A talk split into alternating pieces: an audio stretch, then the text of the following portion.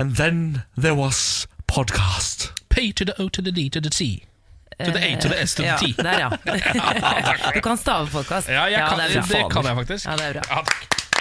Jeg kan til og med stave det på engelsk, som er et annet språk enn mitt vanlige morsmål. Så det er ganske imponerende. Ja, det er imponerende. Jeg har blitt informert om at vi blir skrytt av på Jodel i podkastformat. De liker podkasten vår på Jodel. Sier du dette? Kan jeg informere om? Ja. Så Du lyver ikke nå? Nei, det er sant. Okay, så okay, til okay, ok. alle dere som hører på denne podkasten, og som har skrytt av oss på Jodel, takk for det.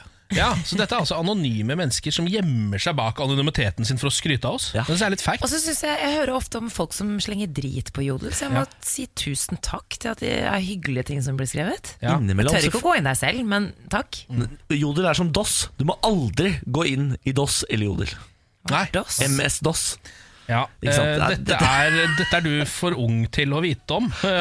jeg? Ja. Ja, men hvis du trykka på feil knapp når du startet opp datamaskinen før i tiden, så havna du plutselig i noe som het DOS.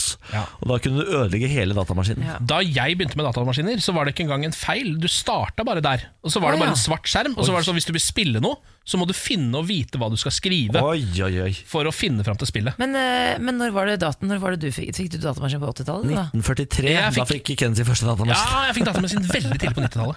Ja. Hadde du Amiga? Jeg hadde Amiga. Ja. Jeg hadde også Amiga. Fy Ja. faen, det var tider, ass. Der Min første datamaskin. Vi bare påpeker at jeg og Niklas er like gamle, men uh, en interesse for data som jeg kanskje ikke har. Ja, men Jeg har uh, hatt uh, veldig mye eldre søsken som Ja. har liksom dratt meg inn i Altså Jeg har levd på en måte fem til ti år eh, eldre enn jeg egentlig er. Ja, sånn, hele veien. ja. Mm. Så jeg så på MTV og sånn uten å egentlig ha noe grunn til det. Altså Ja. Jeg var barn som så på MTV. Ja. Allikevel så hater jeg rock. Kan du tro. Det er veldig Ja, det er veldig rart. Eh, Dette er Morgenbladet igjen. Takk for at du har lastet oss ned. Nå skal du få kose deg med hele dagens sending. Du får parterapi, du får quiz, du får Bårlis foredrag. Eh, ja, og så blir det vel eh, både tenketank og diverse. Ja. Skal vi si vær så god? Ja da. Eh, Bon appétit. Morgen på Radio 1. Hverdager fra sex. Eh, nå har Dagbladet skrevet en litt sånn eh, hva Vi kan kalle det nesten en sånn årlig sommersak, som de skriver Mhm. hver gang det begynner å nærme seg sommer. Nemlig at hvithaien er rett rundt hjørnet. Nei, er den her igjen? Ja, nå er den her igjen. Eh, Helt naturlig utvikling, sier haiekspert, eh, som viser seg å være en barndomskompis av meg, som heter Fredrik Myhre. Det er han som eh, driver og skremmer meg med denne haien.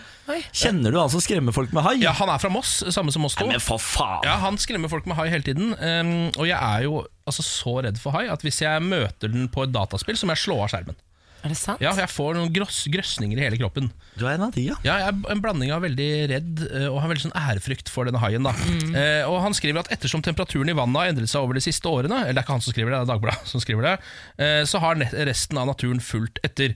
Og Vi har da fått flere nye arter eh, som har slått seg ned langs norskekysten, som ikke eh, stammer fra våre farvann. Blant annet Sankt Petersfisk, månefisk og sverdfisk. Yes. Det syns jeg er utrolig spennende med sverdfisk for øvrig. eh, At den er her Um, Og så nevner du da at siden vi har så mye sel og sånn, så er det ikke noe unaturlig at haien kommer til å komme hit, men det kan ta noen år. Ta noen år, ja. Opptil ti år eller noe, kanskje mer. Jeg har jo eh, Jeg er redd for hai, som Mm. alle andre selvfølgelig. Men jeg syns jo også det er gøy at vi får hai i, i norske farvann.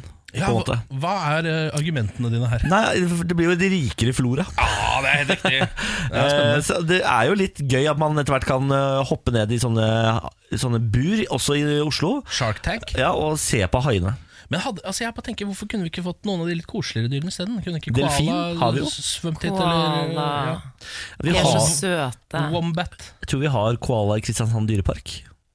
Har vi koala i Kristiansand Ja, dyrepark? Det er jeg helt sikker på at vi har. Det Mener må vi da det? ha. Ja, Er mener du det? Det har vi, ikke, vi har det alt, så, nå har ikke jeg vært i Kristiansand dyrepark siden jeg var fem år, men jeg bare antar at vi har koala i Kristiansand dyrepark. Ja, det.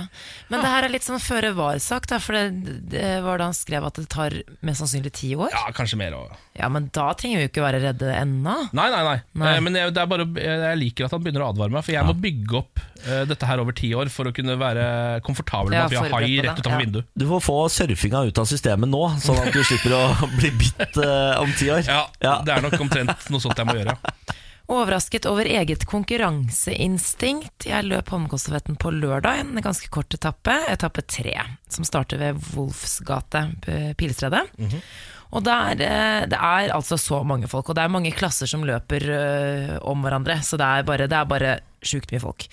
Og idet jeg så hun jeg skulle veksle med, hun så jeg jo Jeg pleier alltid på en måte Jeg har vært med, dette er femte året på rad jeg er med, og Jeg pleier alltid å på en måte gå litt opp og ned for å se om jeg ser henne litt tidligere, sånn at jeg i hvert fall er klar, sånn at hun ikke plutselig bare dukker opp, og så ser ikke hun meg, og så bruker vi tid på å veksle osv. Så, så så jeg henne, og da stelte jeg meg eh, midt på vekslingspunktet, for det har man lov til hvis du ser den du skal veksle med.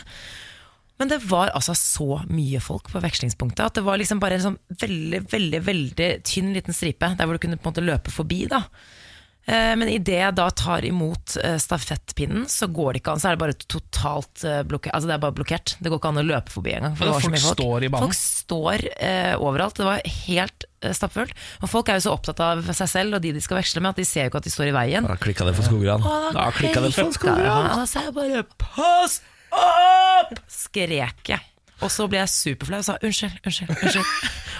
Jeg skal bare løpe her, jeg. Og så var det en kar som bare 'det går bra'. Var en veldig søt kar. Men jeg tenkte bare så innmari pinlig. Ja. Samantha Skogran skal løpe. Hvor, hvor langt løp du? 600 meter? 600 meter. Det er et eller annet litt pinlig med å ha litt sånn voldsomt konkurranseinstinkt på sånn veldig sm- lavt nivå. Hvis du skjønner hva Nei, men det er ikke lavt nivå. Kjære venner, dere som ikke løper. Mm. Eh, De korteste etappene er de du må spurte på. Det er de som eh, Altså de lengre etappene, det går med på å ha utholdenhet sånn. Ja. De korteste må du spurte, så det er de som spyr oftest, for Ja, men jeg mener mer at liksom, Holmenkollstafetten har lavere nivå enn f.eks. olympiske leker. Eh, er- Ikke i mine øyne. Nei, nei, nei, nei, tydeligvis ikke. Eh, Men det er liksom litt som de som klikker på når de spiller ludo på, Ja. på den lokale. Kafeen. jeg elsker ludo. Er, det er lenge siden jeg har spilt det. Men ja, jeg, jeg, jeg skjønner det, men det er bare litt sånn Det er et lag, sant. Det går, du, du konkurrerer ikke bare for deg selv. Nei. Det er et helt lag. men, ja, men har ikke du sagt at dette, du var egentlig bare med her for banketten? Ja, men Det er jo sånn hvert år, men så, får du, men så var jeg, fikk jeg jo fått priser for beste etappetid, og sånn, så plutselig bare var det dødsgøy. Jeg vant ikke i år. Jeg vant Hashtag snikskryt. ikke i år. Ja, nei, men eh, du kom deg forbi, og det, du endte i mål på når det er tid. Og, Ja da, det gikk Ja, det er Vet dere bra, det. hvilken plassering dere fikk? Eh, vi kom på sånn 300.-plass, det gjør vi hvert år. Ja, ok, Det syns jeg er bra. Ja, det er- det er- det er verdt en applaus, det. Det er klart at Da skal du rope og skrike på folk. Vi er altså i ferd med å vinne Melodi Grand Prix, dere. Er vi det? Ja, på da. det. Vi går for seier, sier Rybak-leiren. Noe har skjedd med Rybak. De driver og prøver og tester for fulle mugger der borte nå. Eh, I Lisboa, Portugal. Det er jo ikke så altfor lenge til det skal være finale. Og nå viser det seg altså at eh, Rybak har vind i seilene. De For hver sceneprøve han har, jo høyere opp på rankingen kommer han. Oi. Og flere og flere får øynene opp for han. Han får mer og mer popularitet rundt omkring i Øst-Europa. Det går vår vei, der. Men så, det er folk som står og ser på disse prøvene og gir poeng, ja? Og ranker folk? Ja, ja, ja, ja. Det er jo sånn internasjonal ah, jurygreie, vet du. For de første prøvene lå Alexander på rundt en tiendeplass på oddsen. Etter den første sangprøven gikk han opp til andreplass! Vi blir i hvert fall ekstremt skuffende om han ikke kvalifiserer seg til eh, finalen, sier Carlsen, som da er eh, en del av gjengen her. Men eh, da mener jeg Stig Carlsen, da har du for, lav, da har du for lave mål. Vi skal jo ikke kvalifisere oss, vi skal vinne. Men andreplass, jeg lurer på hvilke andre favoritter eh, har vi? Nei, det må du ikke spørre meg om. Se opp for Kypros. er Sverige også var jo opp for Kypros! Her står det jo, det. her, Rybaks tøffeste konkurrenter er ifølge Stig Karlsen Israel, Frankrike, Bulgaria, Italia, Estland, Tsjekkia og så Kypros.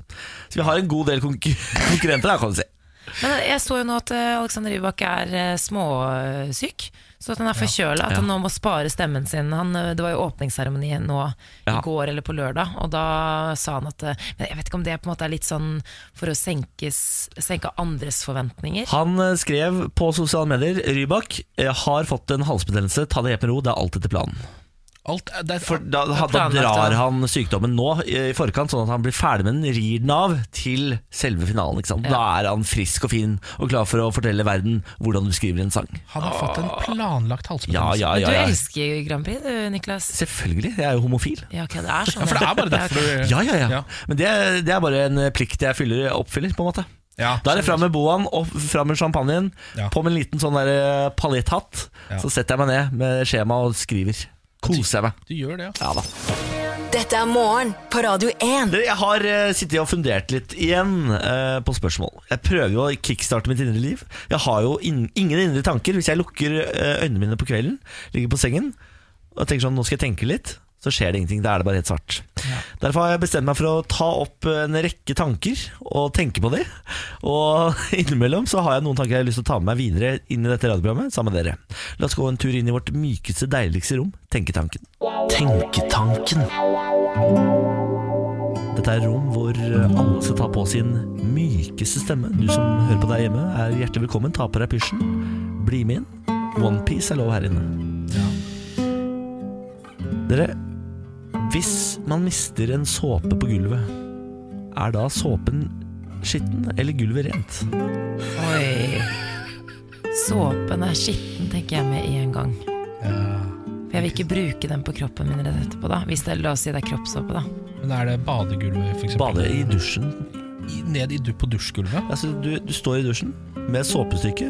Ja. Du mister såpen, den sklir rundt på baderomsgulvet. Du plukker den opp. Har du nå vasket gulvet, eller har du fått en skitten såpe? Begge deler. ja. Er det så enkelt, altså? Jeg tror det. For jeg begynner å tenke på hva er eh, renest slash skitnest. Altså er såpen renere enn gulvet er skittent?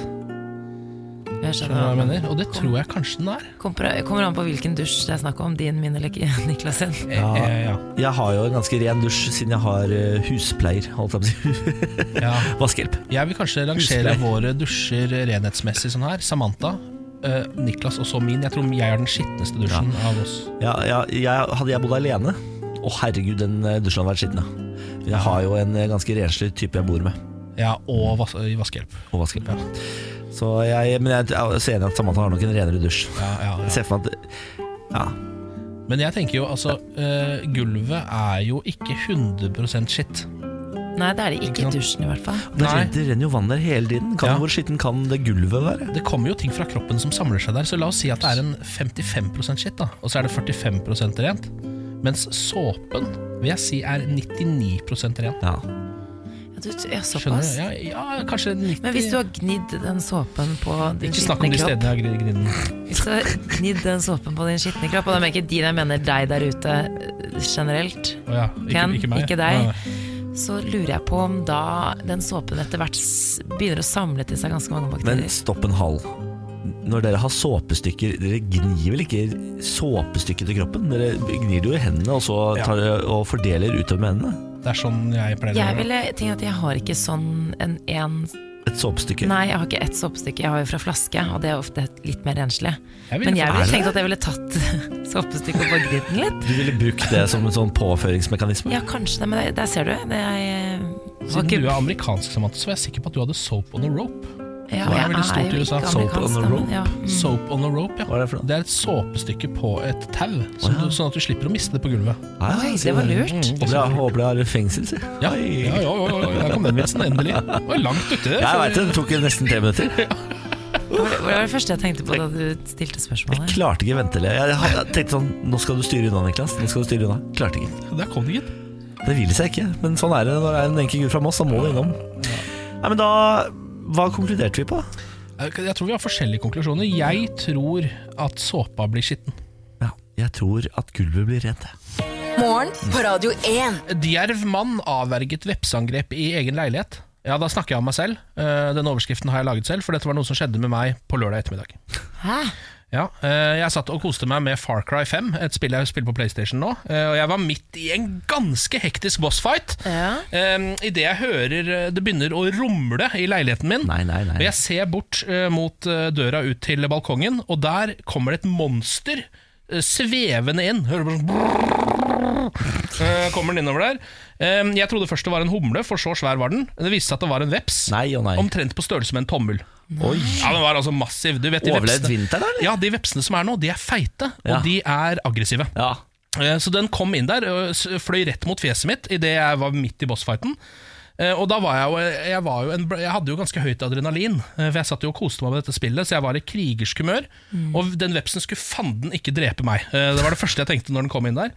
Eh, Så jeg fikk eh, gitt den en, en eh, rak høyre, eh, så den fløy rett bort til til At du tør det? Du, tør, du slår med hendene. Jeg, slo, men jeg var altså i et modus som, hvor det ikke var snakk om at den skulle komme bort og stikke meg i fjeset. Nei. Jeg er også delvis vepseallergisk. Sist gang jeg fikk eh, vepsestikk, så uh, fikk jeg tredobbel leppe. Å, Oi da, du må være ja. forsiktig. Det ser så bra ut, det. Ja, ja, Det ser helt sinnssykt ut. Um, så jeg måtte rett og slett eh, Jeg måtte handle. Jeg slo den bort til vinduet, og der sto den og surra litt, for da blir den jo eh, litt satt ut, fordi den tror den er på vei ut Mm. uh, på grunn av vinduet. ikke sant? Ja. Så den sto bare og så ut der og bare brrr. Så jeg lukker inn gardinene. Sånn at den ikke kommer seg ut igjen. Den sitter på en måte fast inn mot vinduet. Ja. Og så gjør jeg det som er genialt. For jeg har uh, gule gardiner. Så når lyset kommer gjennom de, så er det sånn at man kan fortsatt se skyggen til vepsen inne, ved, Ja, inne i vinduet. Så jeg ser på en måte hvor den er. Så jeg stelter den rett og slett. Går og henter et platecover. Eh, så steller jeg meg bak den, og idet jeg akkurat ser hvor den er, så bare knuser jeg eh, platecoveret mot vinduet og bare Har du... kverker hele vepsefandenskapet. Nei, nei, nei, nei, nei. Um, og så uh, Den dør jo, da. Og så går jeg og henter uh, noen sånne tweezers, altså pinsett, og så pælmer den dass. Shit. Um, For en Oi, dramatisk såpass, ja. Ikke eh, den ikke ut vinduet, eller? Nei, jeg heiv den rett og slett i toalettet Oi, oi, og trakk oi. ned for å vite at den var borte. Og aldri skulle komme inn igjen. Og jeg beklager at jeg drepte den, men dette var mann mot beist. Kan jeg, Eh, kan, jeg, kan jeg stille ett uh, kontrollspørsmål? Mm. Når du skulle drepe han, tok du f f vekk gardinen først? Nei, så jeg må bytte gardiner, da. Ja, må det, ja. Eh, Der er det full av DNA og dritt på de, så det burde jeg sikkert bare brenne. Ikke sant? Fordi hvis det, ja, det, er, det er livsfarlig. Ja, det, det- eneste som kan felle deg nå, det er jo de som kommer til å felle meg, så Ja, det må jeg brenne. Ja. Ja. Gullruten-tabbe og klining på scenen. Lørdag kveld var det altså duket for årets Gullruten i Grieghallen i Bergen. Og det var, eh, ja, det var litt av hvert eh, som skjedde, egentlig. Jeg tenkte vi kunne ta en liten oppsummering gjennom de, i hvert fall de høyde, største høydepunktene. Ja. Eh, en liten tabbe, først og fremst. Leo Ajkic tok imot prisen for årets eh, beste event eller sportssending. Han vant jo den for P3-gull, men han delte seieren litt for tidlig på sosiale medier. Ja. Fordi når eh, prisene deles ut, så skjer jo det eh, et par timer før det vises på TV.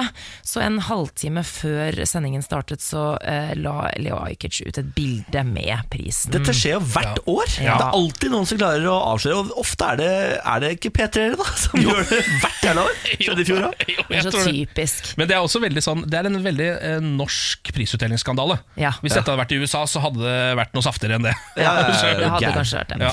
Men han var veldig lykkelig, i hvert fall. En annen lykkelig prisvinner var eh, Ane Dahl Torp, som Ja. vant eh, for beste kvinnelige skuespiller for sin rolle som Helena Mikkelsen i NRK-suksessen Heimebane, som tok eh, tre priser eh, for øvrig. Han Aksel eh, Bøyum vant for beste mannlige, Ane Dahl Torp vant for beste kvinnelige, og så vant de også vel for beste dramaserie. Ja, det kan godt hende. Ingen priser til han tjukke keeperen. Han, beste birolle. Beste birolle til ja, Beste birolle, som det det var akkurat det de sa. Best troverdig. Beste overvektige birolle. Ja. Ja. Og da hun skulle opp for å hente prisen, så feiret hun med å kysse avtroppende senkveldprogramleder Harald Rønneberg. Forklarte senere at det var en slags eh, inside joke, fordi at de har kyssa litt under en senkveldinnspilling. Altså det var meningen. Harald gjorde ting oh, ja. han ikke kunne, og så klinte de. Ah, han Ja, kline. ja, Ja. men uh, uansett, hun vant jo for beste kvinnelige skuespiller og hadde en fin eh, tale. Jeg har jo faktisk ikke sett denne serien, men jeg har forstått eh, eh, at det er en viktig serie i forhold til eh, det her. Hun spiller jo da en kvinnelig Har du ikke sett Har du ikke sett Heimebane? Det. Det er- det er jo tidenes norske TV-serie. Jeg vet det, men jeg bare jeg, jeg bare fikk litt noia da jeg hørte at hun snakket en annen dialekt. Fordi, men jeg har hørt nå at hun er flink til å snakke trøndersk, men jeg bare fikk litt noia. Ja. Men jeg skal se den, altså. Ja, vi har ly lyd av takketalen. Skal vi høre på den? Uh, Jeg vil, jeg vil si tusen takk til NRK, som eh, turte å la en ikke bare likende og eh, varm, imøtekommende, omsorgsfull dame få hovedrollen i en serie. På søndagskvelden. Det er kjemperiktig. Ikke fordi jeg eller mine kvinnelige kolleger får kule jobber, men fordi det har så mye å si for hvordan vi lever ute i verden, hva vi får se på TV. Det er viktig. Word girl power. Ellers så kan, var det jo litt forskjellig. Det var jo Nikolai vant jo publikumsprisen. Truls Alla Hellstrøm vant for beste underholdning. Og en dokumentar som jeg satt og grein meg gjennom, vant for beste TV-dokumentar. Eh, Sant Halvardshjemmet. Har du hørt Ja, om den? du, Den må ses. Hva handler den om? handler om et, eh, et sykehjem eller eldrehjem i Oslo oh, ja. som skal legges ned, og den bare er superfin og supertrist. Ok. Ja. Åh, Triste gamle mennesker, det orker jeg ikke se på. Jeg blir så, jeg blir så lei meg av det. Ja, jeg, jeg liker, altså, de kan være enten gamle eller triste. Det kan jeg se på Hvis det er blanding av kom- Nei, det orker jeg ikke. ja. Nei.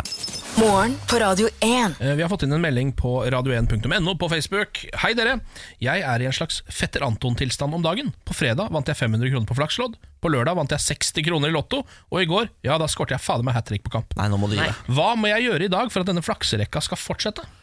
Ah, Er spørsmålet fra Fetter Anton. Jeg tror egentlig ikke at han skal gjøre så mye. Nei. For Det virker som dette er en flaks som eh, enten fortsetter eller tar slutt. Det er ikke noe han kan gjøre ved det. Nei, vil... eller er det sånn at han skal kjøpe et flakslodd eller noe? Er det Ja, for eksempel. Eller et eller annet altså, Man kan jo spille stein, saks, papir med seg selv, eller noe sånt, er for det å være sikker på om man vinner. Men det er kanskje ikke Er det ikke en sånn regel på flaks at hvis du Du kan bruke opp flaksen din ved å gjøre en, hvis, Si du vinner eh, penger, Ja. så tror jeg ikke du skal bruke de pengene på nytt spill, f.eks. Det er å bryte flaksen. Det skal man er en gjøre. sånn regel et eller annet sted Ja. som jeg husker fra gammelt av. Jeg tror det var bestemora mi som lærte meg den. Da er det helt sikkert mye sannhet i. Kan man ikke pante flasker da, og så prøve seg på det pantelotteriet? Pantelotteriet, ja. Pantelotteriet. Ja. Det er bare tull, fordi jeg, hver gang du vinner på pantelotteriet, så vinner du mindre enn du satsa. Ja, ja, men du vinner fortsatt. Ja, eller du taper jo penger. Du taper jo penger, men du, men du har liksom fått en kvittering hvor det står at du har vunnet. Ja, det er sant det. Dere, Vi skal i gang med en spalte som heter Parterapi.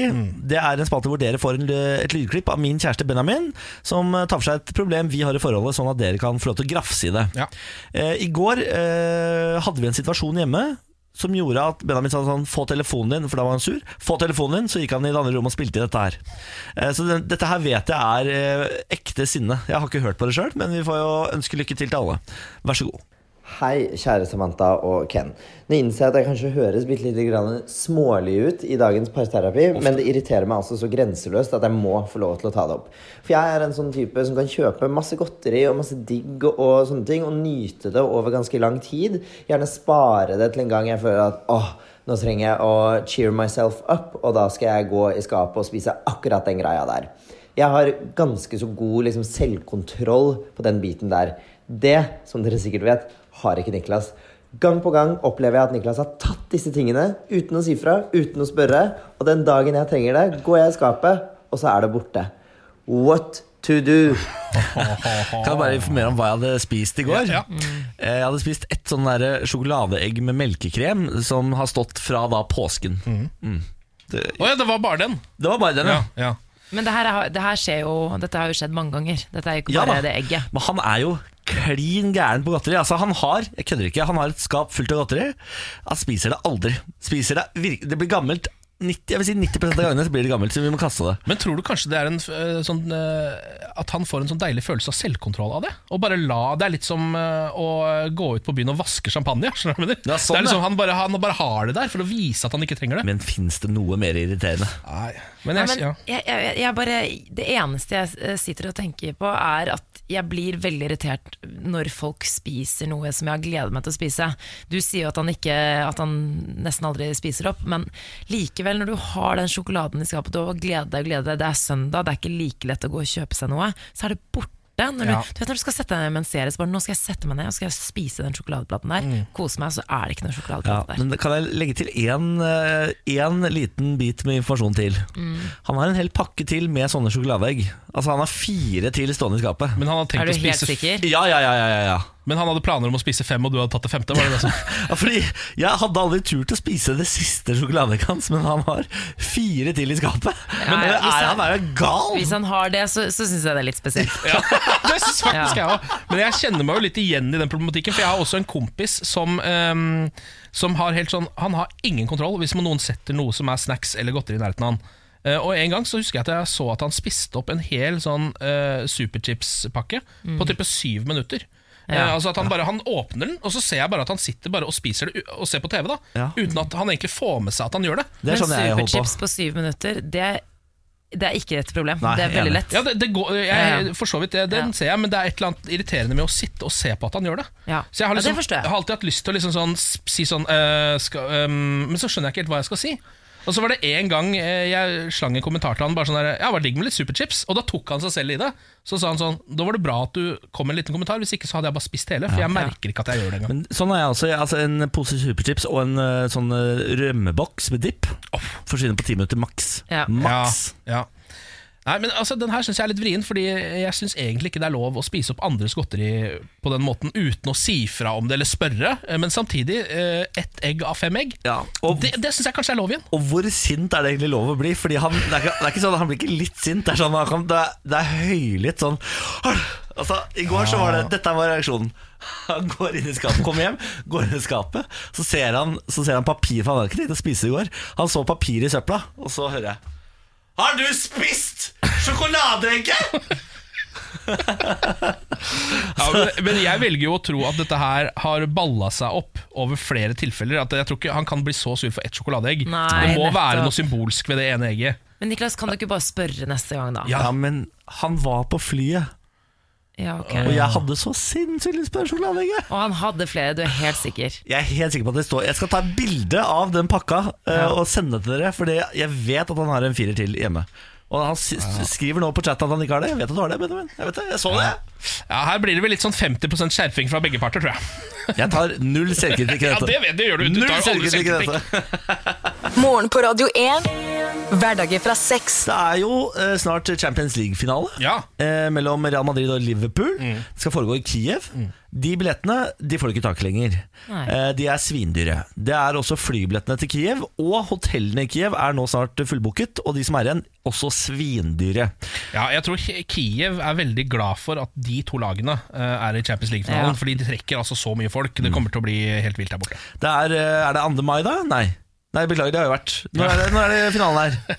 Ja, Jeg er faktisk litt usikker på når det er. Men Slutten av mai, da? det pleier å være Jeg husker at den har pleid å være sånn 20. mai-ish og sånn. Ja. eh, Rundt der, men jeg husker ikke. Hvis du har lyst til å stikke på kamp og se finalen, ja, da er du litt sent ute. Fordi eh, som sagt, alt er svindyrt. så Hvis du har veldig mye penger, så har du fortsatt mulighet.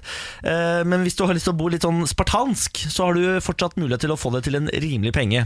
For nå har folk i Kiev sett eh, sitt snitt og tjener penger her. Eh, blant annet så har tannlegekontor begynt å leie ut uh, stoler til uh, å sove i. Altså tannlegestoler? Tannlegestoler, ja. Eh, De har også vartet opp med litt eh, sånne oppblåsbare madrasser rundt omkring på tannlegekontoret. Yes. Der kan du få sove til 823 kroner natta. Det er dyrt for en tannlegestol å sove i, men Det er ikke noe dusj der, Nei. men du har da et sted å sove. Og så lover han som driver tannlegekontoret å komme innom med frokost på morgenen. Men kan man, kan man ikke dusje med den der eh, greia som man putter i kjeften, da? Bare, Det, da, det, er en, eh, det er jo en eh, stor jobb å dusje med den lille strålen der. Ja. Men en liten sånn kattevask får du sikkert til. ja, det lar seg gjøre. Eh, Det er på Airbnb du må stikke for å finne dette tannlegekontoret som driver og ønsker ut. Eh, Utover det så kan jeg fortelle deg at uh, nå ligger billettene til fotballkampen på rundt en 20 000 kroner per stykk. Hæ? Og det er de offisielle Det er svartebørsen. Ja, det er svartebørsen. For det, er- det er utsolgt, ja. Ja, ikke Så hvis du nå skal eh, få tak i billett, så må du på svartebørsen, og der koster det 20 000 kroner per kampbillett. Kan spare litt på bo, da, i hvert fall. Ja. Det å bo i en tannlegestol. Ja, 823 kroner natta i en tannlegestol. Det er ikke dumt, men de er ganske behagelige, de tannlegestolene. Ja, de kan er jo gå faktisk. ganske langt ned. Ja, men det er det eneste fra, eh, fra tannlegekontoret som jeg kunne tenkt meg å ha hjemme, er jo tannlegestolen. Ja. Den kunne jeg, ja, Kanskje den dusjen. Bare sånn eh, Ah, En liten sånn, tann, sånn ty- spyler. Ja. Men det er ikke dum, det, da. Ha den spyle litt i kjeften sånn innimellom. Og det, vann er så vondt. Ja, det er Jeg skjønner ikke Ja, hvordan det de er får veldig. Hvordan får de er ja, hva, Hvor er det det vannet kommer fra? Jeg skjønner det ikke. Ja, det er helt sjukt. Det er verdens verste vann. Um, Morgen på Radio 1 Aviser deg Norge er jo en spalte vi har her i programmet, hvor jeg daglig uh, går ned i en lokalavis som vi altså følger hele uka. Ja. En hel uke med én avis. Det er veldig koselig, faktisk. Ja, uh, og denne uka så har jeg da valgt ny avis, det er jo mandag. Uh, Jeg har gått for avisa Nordsalten, som dekker kommunene Hamarøy, Tysfjord og Steigen i Nordland. ja. Ja, Det er en avis som oppdateres litt sjelden, eh, så denne saken jeg har med i dag, som er en av toppsakene der, den er to år gammel. To år gammel. Ja, sånn cirka to år gammel. Men den er ikke desto mindre god. Nei, det Skal jeg ta den? Ja, ta Ja. den. Stor stas med pol. Torsdag ble det skrevet historie i Steigen og i Nordsalten. Da åpnet nemlig Vinmonopolet sitt utsalg i Leinesfjord. Men det er først på lørdag at den offisielle markeringen av nyetableringen finner sted, med polferd, taler og gratis leskedrikk. Polferd, det liker jeg godt. Polferd. Det liker jeg så godt. Presis klokken 13 ble den første kunden sluppet, sluppet inn, og siden han hadde bursdag, var det Morgan Nygaard som ble førstemann til det er jæskla bra. Um, han var aldeles ikke alene, står det. Etter kort tid kom det fullt av folk inn i det 40 kvadratmeter store lokalet. Men jeg synes jo dette for en dag for Morgan Nygaard. Ikke bare har det åpna nytt pol, men han har også bursdag og får lov å gå først inn. Oh, Morgan Nygaard. Tenk deg han bare rett inn der, kjøpe litt av flaske Prosecco, noe de ikke har sett på Steigen før. Å, fy fader. Jeg ser for meg når de satt opp uh, arrangerte åpningen av det nye polet, så er det sånn Men farsken, kødder du? Det er jo faen meg bursdagen til Morgan Nygaard! Da må han Herregud. være først i køen! Ring av Morgan! Ring av Morgan! Hei, Få Morgan! Morgan inn her. Er det Morgan? Du, du vet da bursdag når du åpner pol? Skal du åpne pol? Hva faen? Det er jo helt fantastisk! Det er jo på bursdagen min! Her kom! Ja, Så det er god stil der borte. altså Ah, fy fader, for en gladnyhet. Mm. Dette var fra avisen. Nordsalten. Nordsalten. Og Ja. de skal vi følge hele uken. Hele uken. Vi får se om vi noen, kan grave opp noen ferskere nyheter også, på sikt. Ja, For dette var en av toppsakene, men to år gammel. Ja, ca. to år gammel. Ja. Nettopp, ja. Ja. Eh, hvis du har eh, lyst til at Ken skal ta en ekstra titt på din lokalavis, så må Mm. du tipse han på vår eh, Facebook-side radio1.no. Vi velger jo ny hver mandag, Ja da. så du kan allerede nå liksom tipse. Så kan eh, Ken la det mørne, se litt på det, tenke litt på det, og kanskje blir det din lokalavis, gitt. Mm. Ja. Fy fader, for noen muligheter.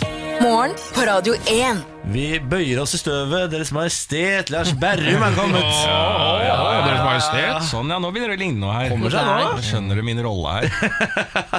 Nei, jeg tør jo ikke Konge er aldri med hele veien, ikke sant? Han kommer bare innom. Ja, det er sant, det. Ja, Det er helt og riktig så det- f- skal han få enorm respekt, så nå begynner dere å skjønne det. Eh, Istedenfor at jeg skal bli dissa hver gang jeg kommer. Lars Berrum, du er jo her for å quize oss. Dagen, er vel, eh, dagen i dag er vel intet unntak, eller? Mm, nei, jeg skal quize. Lars Bærums morgenquiz. Og det er som vanlig, det. Tre spørsmål, alle svarene helt til slutt. Hva er quizlagnavnet deres? Markus har vært på vår Facebook-side radio1.no og gitt oss et eh, quizlagnavn i dag. Han foreslår at vi skal hete Stå-quiz. Ok, da. Ja, ja, ja, Man, man, man får lyttere eh, og lytterforslag slik man har et program. Er det ikke noe regel i det? Ja, lytterne reflekterer programlederne, ja. Det er helt riktig. Men tusen takk, Markus. Det der var bra jobba. Takk for det. Ja, ja, men det er jeg helt enig. Er dere klare til å gå på spørsmål nummer én? Ja. Ja, okidoki. Hvor mange brukere har Facebook? Ah, det er ganske mange. Og hvor mange misbrukere har de? Nei. Hvor mange brukere har Facebook, er spørsmålet. Hva faen, er vi oppe i Er vi å hundrevis Altså, det av er millioner, sånn liksom? litt cirkatall. Skal det, Jeg altså, det er ikke tipper på at vi er på milliarden hvert Å, tror du det? Ja, jeg tror det.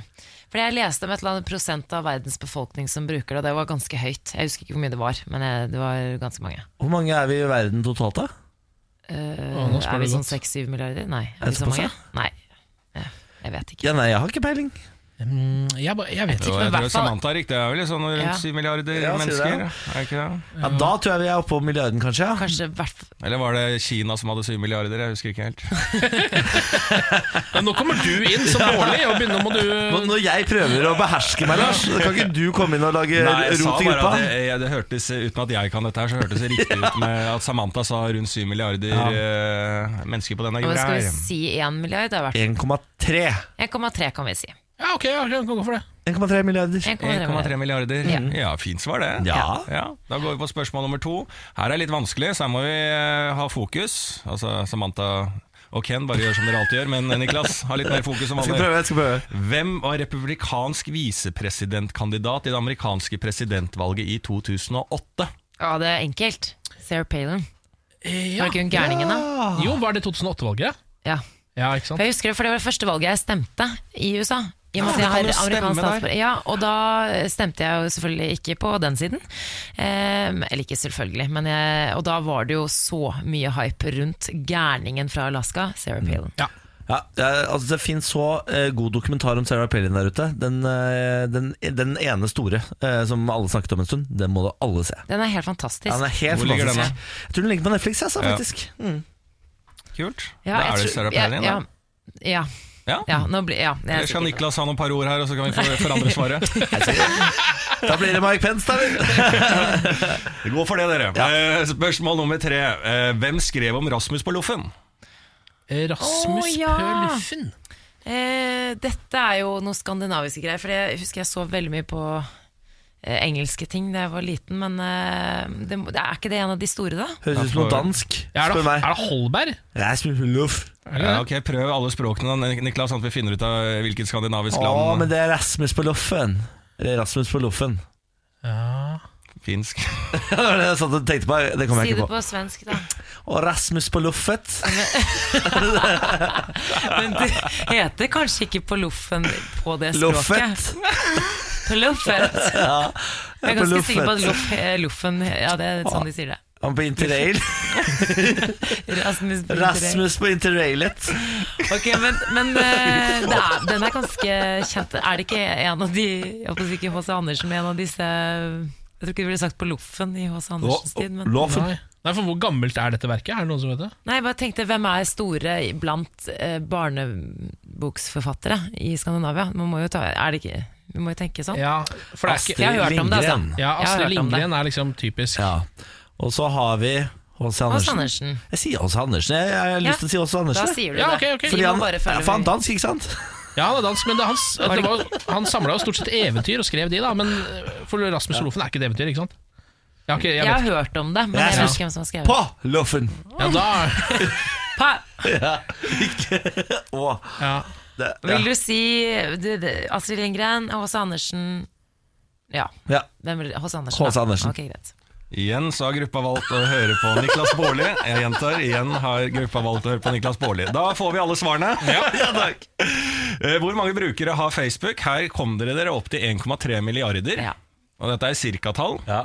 Eh, Det riktige svaret er 2,2 milliarder.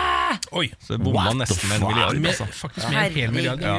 Men det, vi får ikke det godkjent, eller? Nei, Det var litt for mange. Jeg sa et cirkatall, men altså, det er ikke pluss minus milliarden.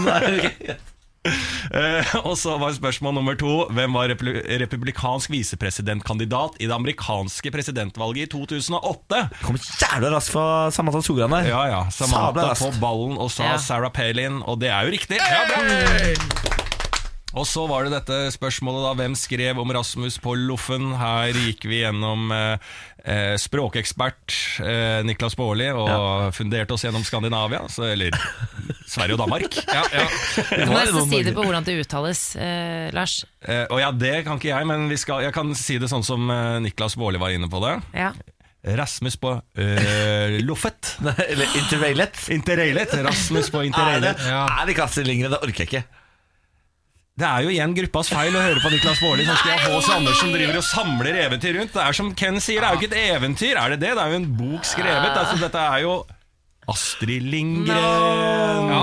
Men vi var like clueless alle sammen, Niklas. Det går fint, det. Ja, Men noen ganger så får jeg altså følelsen her at det er akkurat at hvem i russisk etterretning er det som har planta Niklas Baarli gjennom Facebook inn her? Kan jeg bare si at det var jeg som i det hele tatt sa Astrid Lindgren? At eh, det, så et Ja, halvt poeng til meg. Ah, så du kunne ta ditt eget bein, ja, Ja, men det det- det Ja, altså. Men det er mer behagelig enn å kutte deres, faktisk. Ja, ja, ja. Mm. Og så, såpass solidarisk er jeg at jeg kutter heller mitt eget, Ja. Ken. Ja, det er fin, det er fin. Ja, ja, takk for det. Eh, Lars Berrum, quizmaster. Takk for alt. Takk for alt. Gå med Gud. Alltid. Morgen på Radio 1. Hverdager fra seks.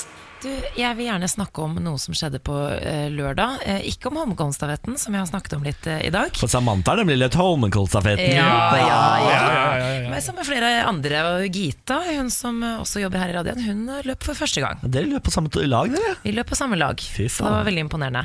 Eh, uansett så var vi jo på fest eh, hver gang eh, altså, eh, Egentlig, høydepunktet er jo selvfølgelig ikke at man løper, det er jo at det arrangeres fest etterpå. Ja.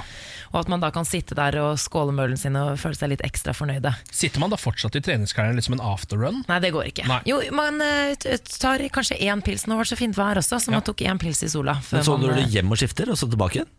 Ja, tilbake. det er ikke tilbake. Man, er jo ikke, man fester jo ikke der hvor man oh, nei. løper. Det er ikke sånn at de løper rundt med ølen i gatene. Nei. Nei, men, altså, det er jo det man burde gjort. Laget Ja. en sånn gatefest. Ja, jeg er glad for at de ikke de gjør det, fordi det er såpass mye støy og bråk med dette uh, i utgangspunktet. Åh, du Hør på du, da, gamle det. mann, som ikke ikke syns det er så gøy med støy. Jeg liker ikke støy, jeg! Ja, når han sitter på balkongen sin, vil ikke ha støy fra gatene. Jeg han liker da. ikke idrett Deres Majestet, jeg beklager at jeg støyer for dem.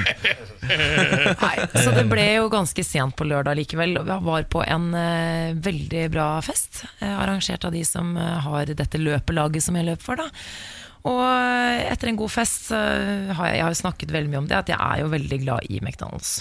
Ja. Det, det vet alle her. Spesielt da etter man har, kanskje har eh, vært på en fest, så er det veldig deilig å få i seg eh, mat eh, som, er, som inneholder mye fett.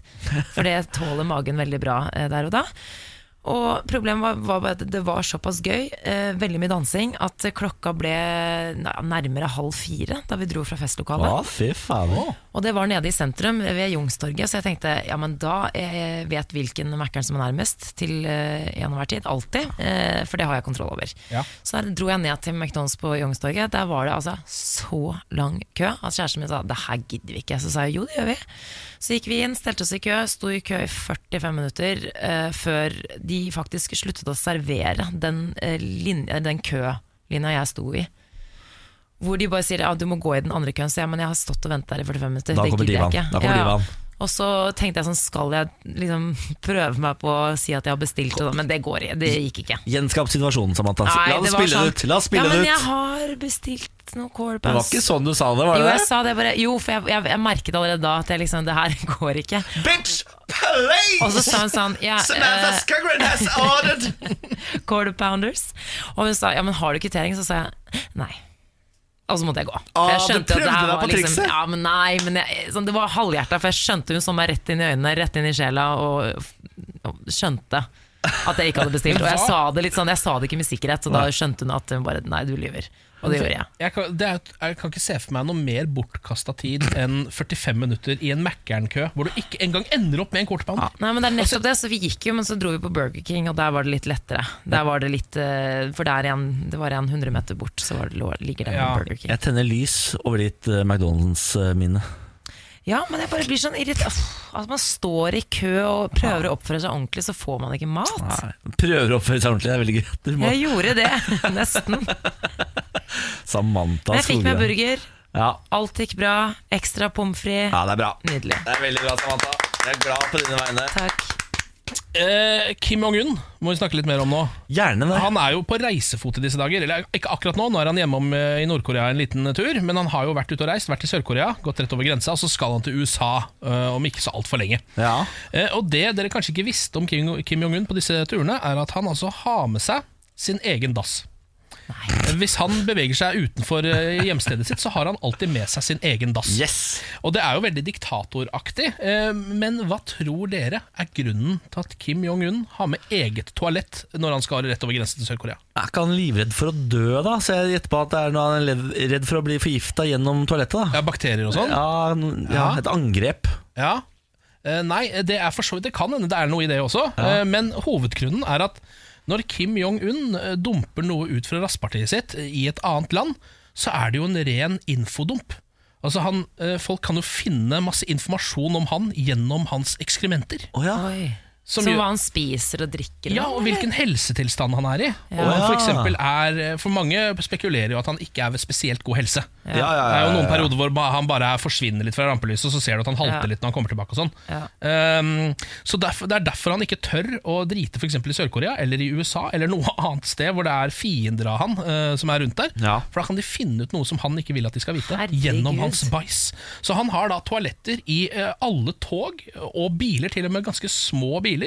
Så Hvis han kjører rundt i en kortesje og han sitter i en helt vanlig bil, så har bilen foran eller bak toalett. Da er det bare en rein dassbil. Men altså, han har såpass akutt behov for å gå på do at han må ha toalett i umiddelbar nærhet, Det- uansett hvor faen han er? Det er også riktig. Jøssenam. Men det, er jo, det tror jeg også er en av de første tingene du hadde gjort hvis du var diktator og kunne styre alt selv, er jo å ha umiddelbar tilgang på dass. Det er jo ikke noe behagelig å sitte og måtte drite. Folk som, eh, folk som blir store kjendiser og sånn, har jo ofte ting med toalett. Altså, Er det ikke Beyoncé som også skal ha sånn rosa toalett uansett hvor hun befinner seg? Jo, MC Hammer brukte jo masse av pengene sine på et gulltoalett. Ja. Ja. Det skulle han ikke gjort. Nei, det burde han ikke. Han har ingen penger, Nå har han ikke ikke noe mer penger. ikke sant. Det er sånn det går gærent med dem til Mm, ja, det slutt. Ja.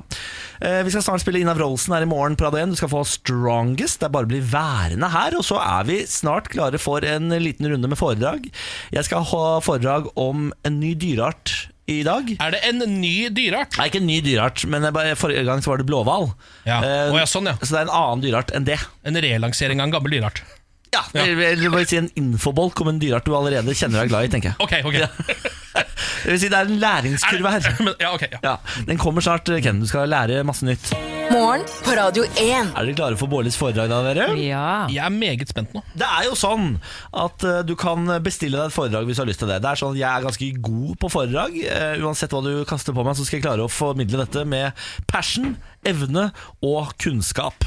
I dag intet unntak. La meg ta deg med til et annet sted. Vil du gjette på hvor vi er? Jungel. Er vi i jungelen? Vi er i jungelen, det stemmer. Det er kanskje ikke helt riktig lyd, for vi skal altså snakke om kenguruer. De lever jo ikke i jungelen! De lever i Australia! Det er riktig, men jeg trengte Jo, men noe det var eksotisk bakteppe. Ja, ikke sant? Bare for å ta oss litt annet. Det, det, det her høres ikke ut som The Outback. Nei, det stemmer.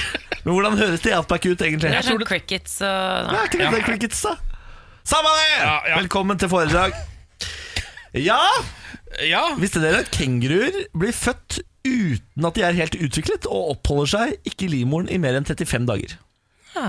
Ja, er, ok. Men det er er ikke det, lenge, det! det er vel derfor de skal ligge i denne pungen, kanskje? Det er akkurat det. De krabla av gårde inn i pungen. Fordi, grunnen til dette er fordi kenguruene har ikke morkake. Så da går, hopper de ut av underlivet, rett opp i pungen, og der suger de seg fast til en patt. Ja, jeg, ja. Kan ikke de skaffe seg en morkake snart? Ja, men Dette fungerer helt strålende for kenguruen. Ja. Og Der sitter de og suger og suger og suger og utvider patten så ungen til slutt blir sittende fast. Og Der sitter de da til de er ferdig utviklet og store nok.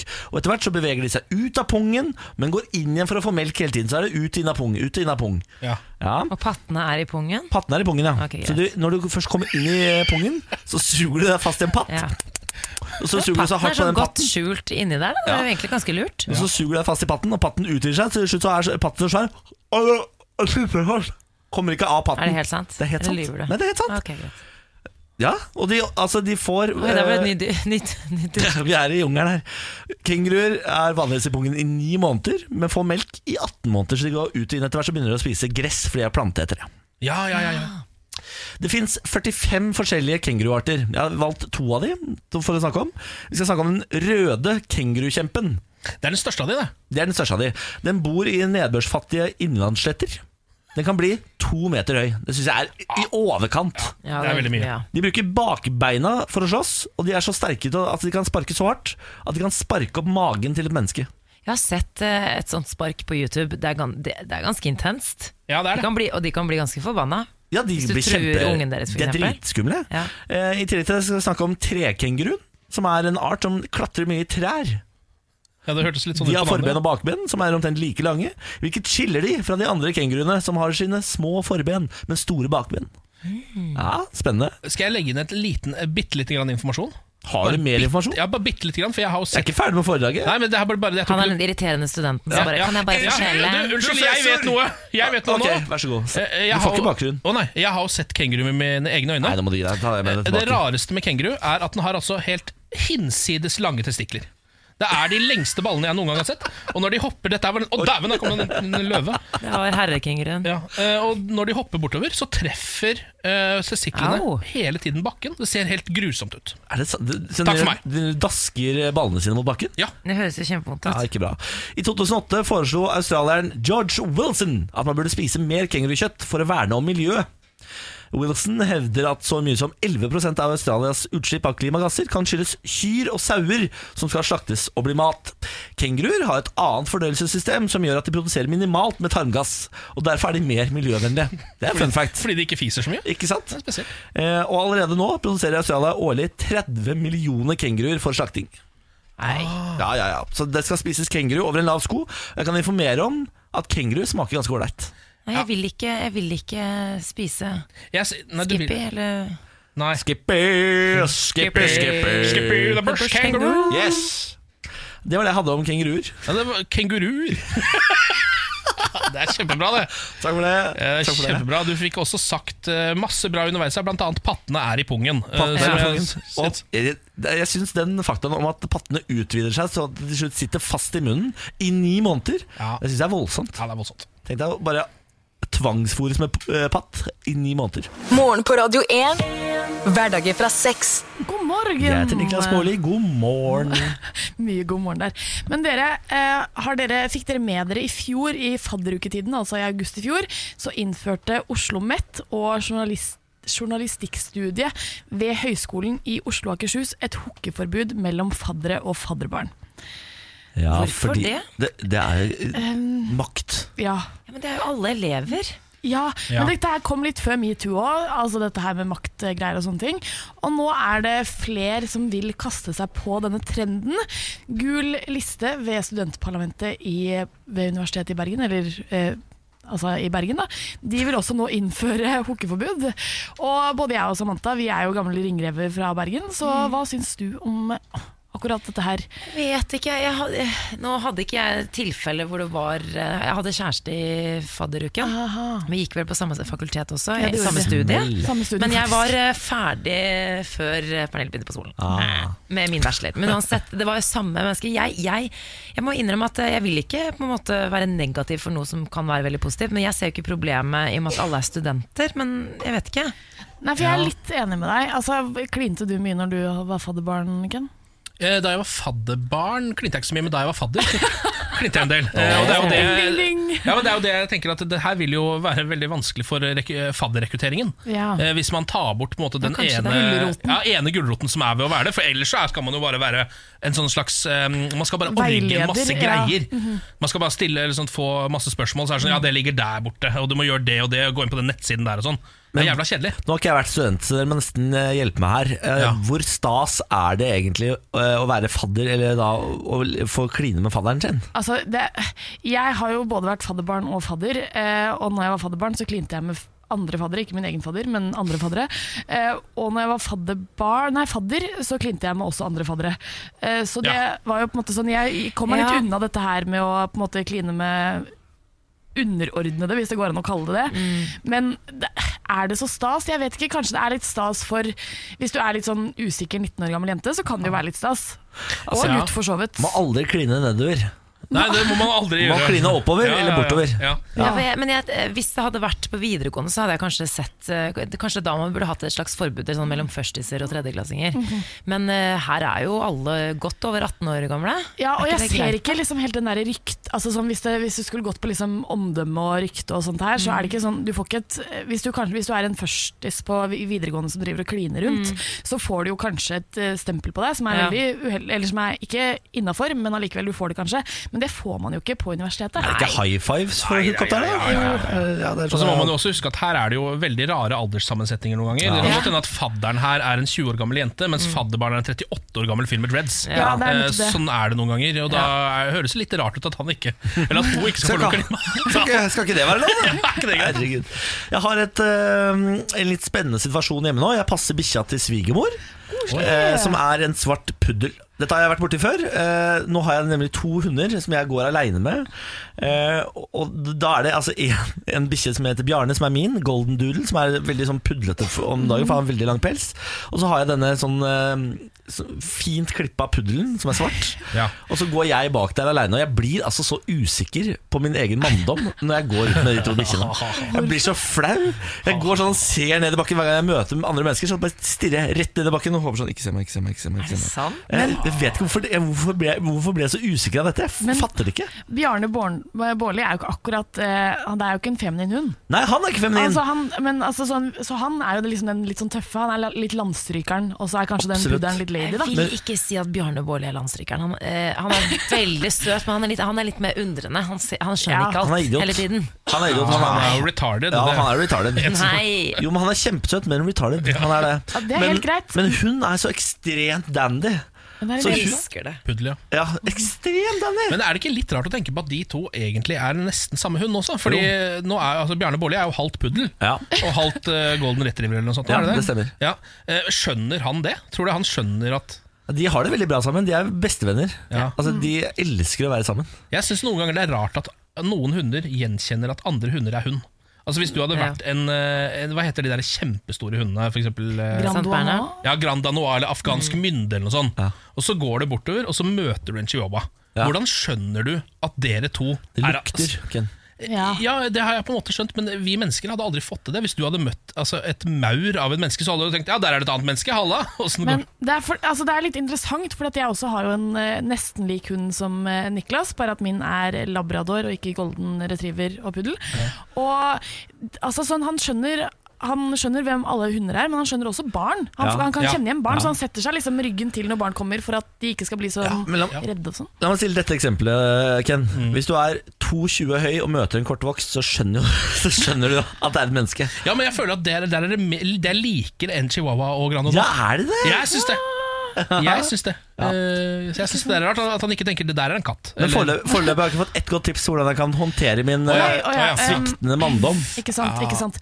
Jeg syns bare at du må gjøre det, gå det med stolthet. Er det en av de som er lydige nok til at de kan gå Nei, løs? De er fullstendig gærne begge to. Ok, eh, Da foreslår Kan jeg at ingenting. du, du går på jogge, drar på joggetur med dem. Ja. Og så later du som at du er en sånn her eh, maskulin fyr som bare er sånn ah. Hei Pernille, jeg heter Niklas Baarli. Har du sett meg på joggetur noen gang? Vet du hva jeg, jeg ville gjort? Jeg ville tatt dette en av to veier. Enten ville jeg gaya det helt ut. Altså at du, du tar på deg det gayeste du kan neste Kanskje gang, det? og går rundt og bare er skikkelig fin. Ja, du er bare skikkelig queen. Eller så drar du det helt andre veien. At du er sånn supermacho-fyr neste gang. Skjønner du? Som bare Jeg har ville skrudd opp og eh, dialekten litt og bare, ah, nei, bare sånn Ja. skikkelig Østfold. eh. Jo, jo, deg er ute og preker, jeg har med to pugler. Jeg vet du. ikke noe Ja, kos ja, noe som tenker på det. Jeg må ikke tenke på det. Rop, liksom. Bare gå rundt og rop til folk. Ha, ha. Bjarne! Aria må komme her, da! Skal vi ta deg videre på tur? Ja, Østfold- Østfold-dialekta kan få deg ut av dette, Fordi da er du helt idiot. Uansett. Det, vet du hva, jeg er helt enig. Det er beste tipset. Jeg skal skru opp Østfold-dialekta. Ja, gjør det. Takk for tips. Morgen på Radio 1. Hverdager fra seks. Altså, Jeg var i konfirmasjon eh, på lørdag, og når jeg er i konfirmasjon, så blir jeg litt sånn herre det er jo eh, en stor dag når du er konfirmant selv, men så tenker man eh, når man er voksen at det, ja, ja, det er gøy med konfirmasjon. på en måte, Det er gratis mat. Eh, og så, men så ble jeg litt sånn der, jeg satt i den seremonien, det var en borgerlig konfirmasjon, og så sier hun som har den konfirmasjonstalen sånn Dette her er dagen for alle, for at alle dere er glad i, at alle besteforeldre tar ordentlig godt vare på dere, at, alle foreldrene, at foreldrene deres gir dere ekstra klem og gir kjærlighet til dere. Og var veldig sånn der, satt på en måte, altså Navnga alle menneskene som skulle elske de på den dagen. Og så tenkte jeg sånn her, her sitter liksom 20 folk på 15 år, og man vet jo ingenting om deres bakgrunn, og så sitter man liksom bare og kaster ut alle de tingene de skal få den dagen. Ja. Og det Ja. syns jeg, og jeg syns det var litt vanskelig, for jeg bare tenkte sånn Ja, ja, jeg er jo her for kusinen min, som både har liksom tanter og onkler og foreldre og liksom sånne ting, men hun hadde ingen besteforeldre, for eksempel, som kom i konfirmasjonen. Og da er det sånn Er ikke dette her litt sårt, hvis du for eksempel sitter her og er fosterbarn, da, for eksempel? Er det Eller ikke har alle familiemedlemmene. Ja. Nå må vi slappe av. Krenke, krenke, krenke, krenke, krenke, Krenke, Nå er du altså krenket på vegne av folk som er kanskje ikke har besteforeldre på konfirmasjonen sin. Ja. Ja. Det orker jeg ikke. Men du Det her må jeg sette ned foten. Dette her eh, må vi stoppe toget, for jeg, dette er min endestasjon. Men Det er Niklas. Baarli, det er altså så mye forventninger rundt konfirmasjon i utgangspunktet. Jeg har lest masse saker som er sånn dette, Så mye skal konfirmantene få i gave. Så mye skal konfirmantene få i gave, for det første. Altså, det er jo flaut, dette her. Ja. Eh, fordi vanlige det, det er vanlig 36 500, er det det de setter? At det er på en måte Er det, vanlig altså, nå? det det syns jeg er helt sjukt. Men jeg må spørre, for når man går inn i de voksnes rekker, Ja. borgerlig, hva er, Ja. hva er vitsen med det? Det er nei? For det aller første, her må jeg bare hamre gjennom Man går ikke inn i de voksnes rekker når man er 15. Nei. Nei. Det gjør man jo ikke, så det er bare noe man har funnet på. Nei, men symbolsk, da. Ja, men- ikke sant? ja. No offense, men hun dama eller mannen som har preika om at alle som skal være glad i deg, sånn. borgerlig konfirmasjon, why? Ja, jo, men ja, altså, eh, det er jo sånn har samfunnet blitt. Man feirer jo jul uten at man er kristen, på en måte. Ja. Eh, Så det, jeg mener at man skal få lov til å konfirmere seg selv om man er, gjør det borgerlig. Eh, Man trenger ikke gi seg til Jesus bare for å eh, konfirmere seg. Men det jeg mener eh, en konfirmasjon gjør, det er å feire den personligheten du har klart å skape i et menneske som Ja. da er 15. Det begynner å forme seg et ekte menneske her. Ja, og da tar familien og samler seg og feirer dette mennesket de har klart å skape sammen. Det mener jeg konfirmasjon er. Uavhengig av Jesus og Gud og alt sammen. Ja. Og det mener jeg man må få lov til. Jeg mener man skal si sånn Gratulerer til dere som er her. Dere er 20 stykker. Mange av dere har sikkert besteforeldre. Mange Ja, av dere har absolutt. foreldre, og mange av dere har kanskje ikke det. Men dere skal være glad for at noen er her, og dere feirer det sjøl Men en dag. dag uten press hadde jo kanskje vært fint, Ja. da. Av hvordan ting skal være. Og I dag skal du være glad i hunden, og så bare ja, men jeg hater tanten min, og tanten min hater Man meg. må altså Altså, det må ikke være så sår. handle om kjærlighet, men jeg bare syns det er feil at det, alle disse forventningene som bygges opp rundt konfirmasjonsbarnet du skal gi, altså Hvis du er forelder, så skal du gi minst 11 000 kroner, for det er det som står at det er vanlig. Eh, Du skal, hvis du er besteforelder, så skal du gi i hvert fall 10 000. Altså sånn, Alle disse pengene, og så skal du i tillegg bli elsket høyt, høyest av alle. Liksom. Det er ganske mye forventninger, og jeg bare lurer på hvordan skal vi I hvert fall med pengene og sånn Ja. også. Det, det synes jeg var Jeg fikk ikke tror ikke jeg fikk 10 000 engang. Altså, gave, gavepresset kan jeg være helt enig i. Det er helt uh, sinnssvakt. Men det er jo på en måte altså, siden borgerlig konfirmasjon egentlig ikke har noe å spille på. Siden altså, kristen, Konfirmasjon er jo kristent. Det er det eneste det på en måte er. Ja. Eh, Så skal man da lage en, en tradisjon for dem som ikke er kristne, og gjøre den borgerlig, så den er i hvert fall ærlig. da For det er bare sånn Ja, dette handler bare om at i dag får dere masse penger. Ja, for det at er de skal bare være det glad i det- deg, for det er det Ja. de har. For det er bare det det handler Nei, om. de feirer mennesket. Feire mennesket du har blitt. Ja. Var ikke det fint, da? Jo, det Det er veldig fint. fint da. å si, men det handler om penger. Skjønner ikke hva du snakker om. Morgen på Radio 1. Hverdager fra sex. Det var det. Samantha Skogran, nå skal du få lov til å avslutte denne podkasten på mest mulig magisk vis. I dag skal du gå ned gaten med ananas på hodet og smile til verden. Det er kjempetips! Jeg kan også anbefale faktisk en uthula melon. Fordi det man kan hvis man har den på hodet Nei, er at man ikke. kan, Jo, men man kan putte ting oppi. Å ja, å ja. Eksempel en mobillader. Ja, men Du skjønner jo hva jeg prøver å si her nå. Takk. Altså, det er bare ta, opp, ha på deg en frukt på hodet. Ja, ta på deg frukt på hodet og kom deg ut! ja. Jeg tar på sterkest mulig avstand eh, sterkest mulig avstand fra dette. Ikke ta på deg frukt på hodet. Du blir låst inne. Der, Nå har jeg frukt på hodet. Nå har du en drue på hodet.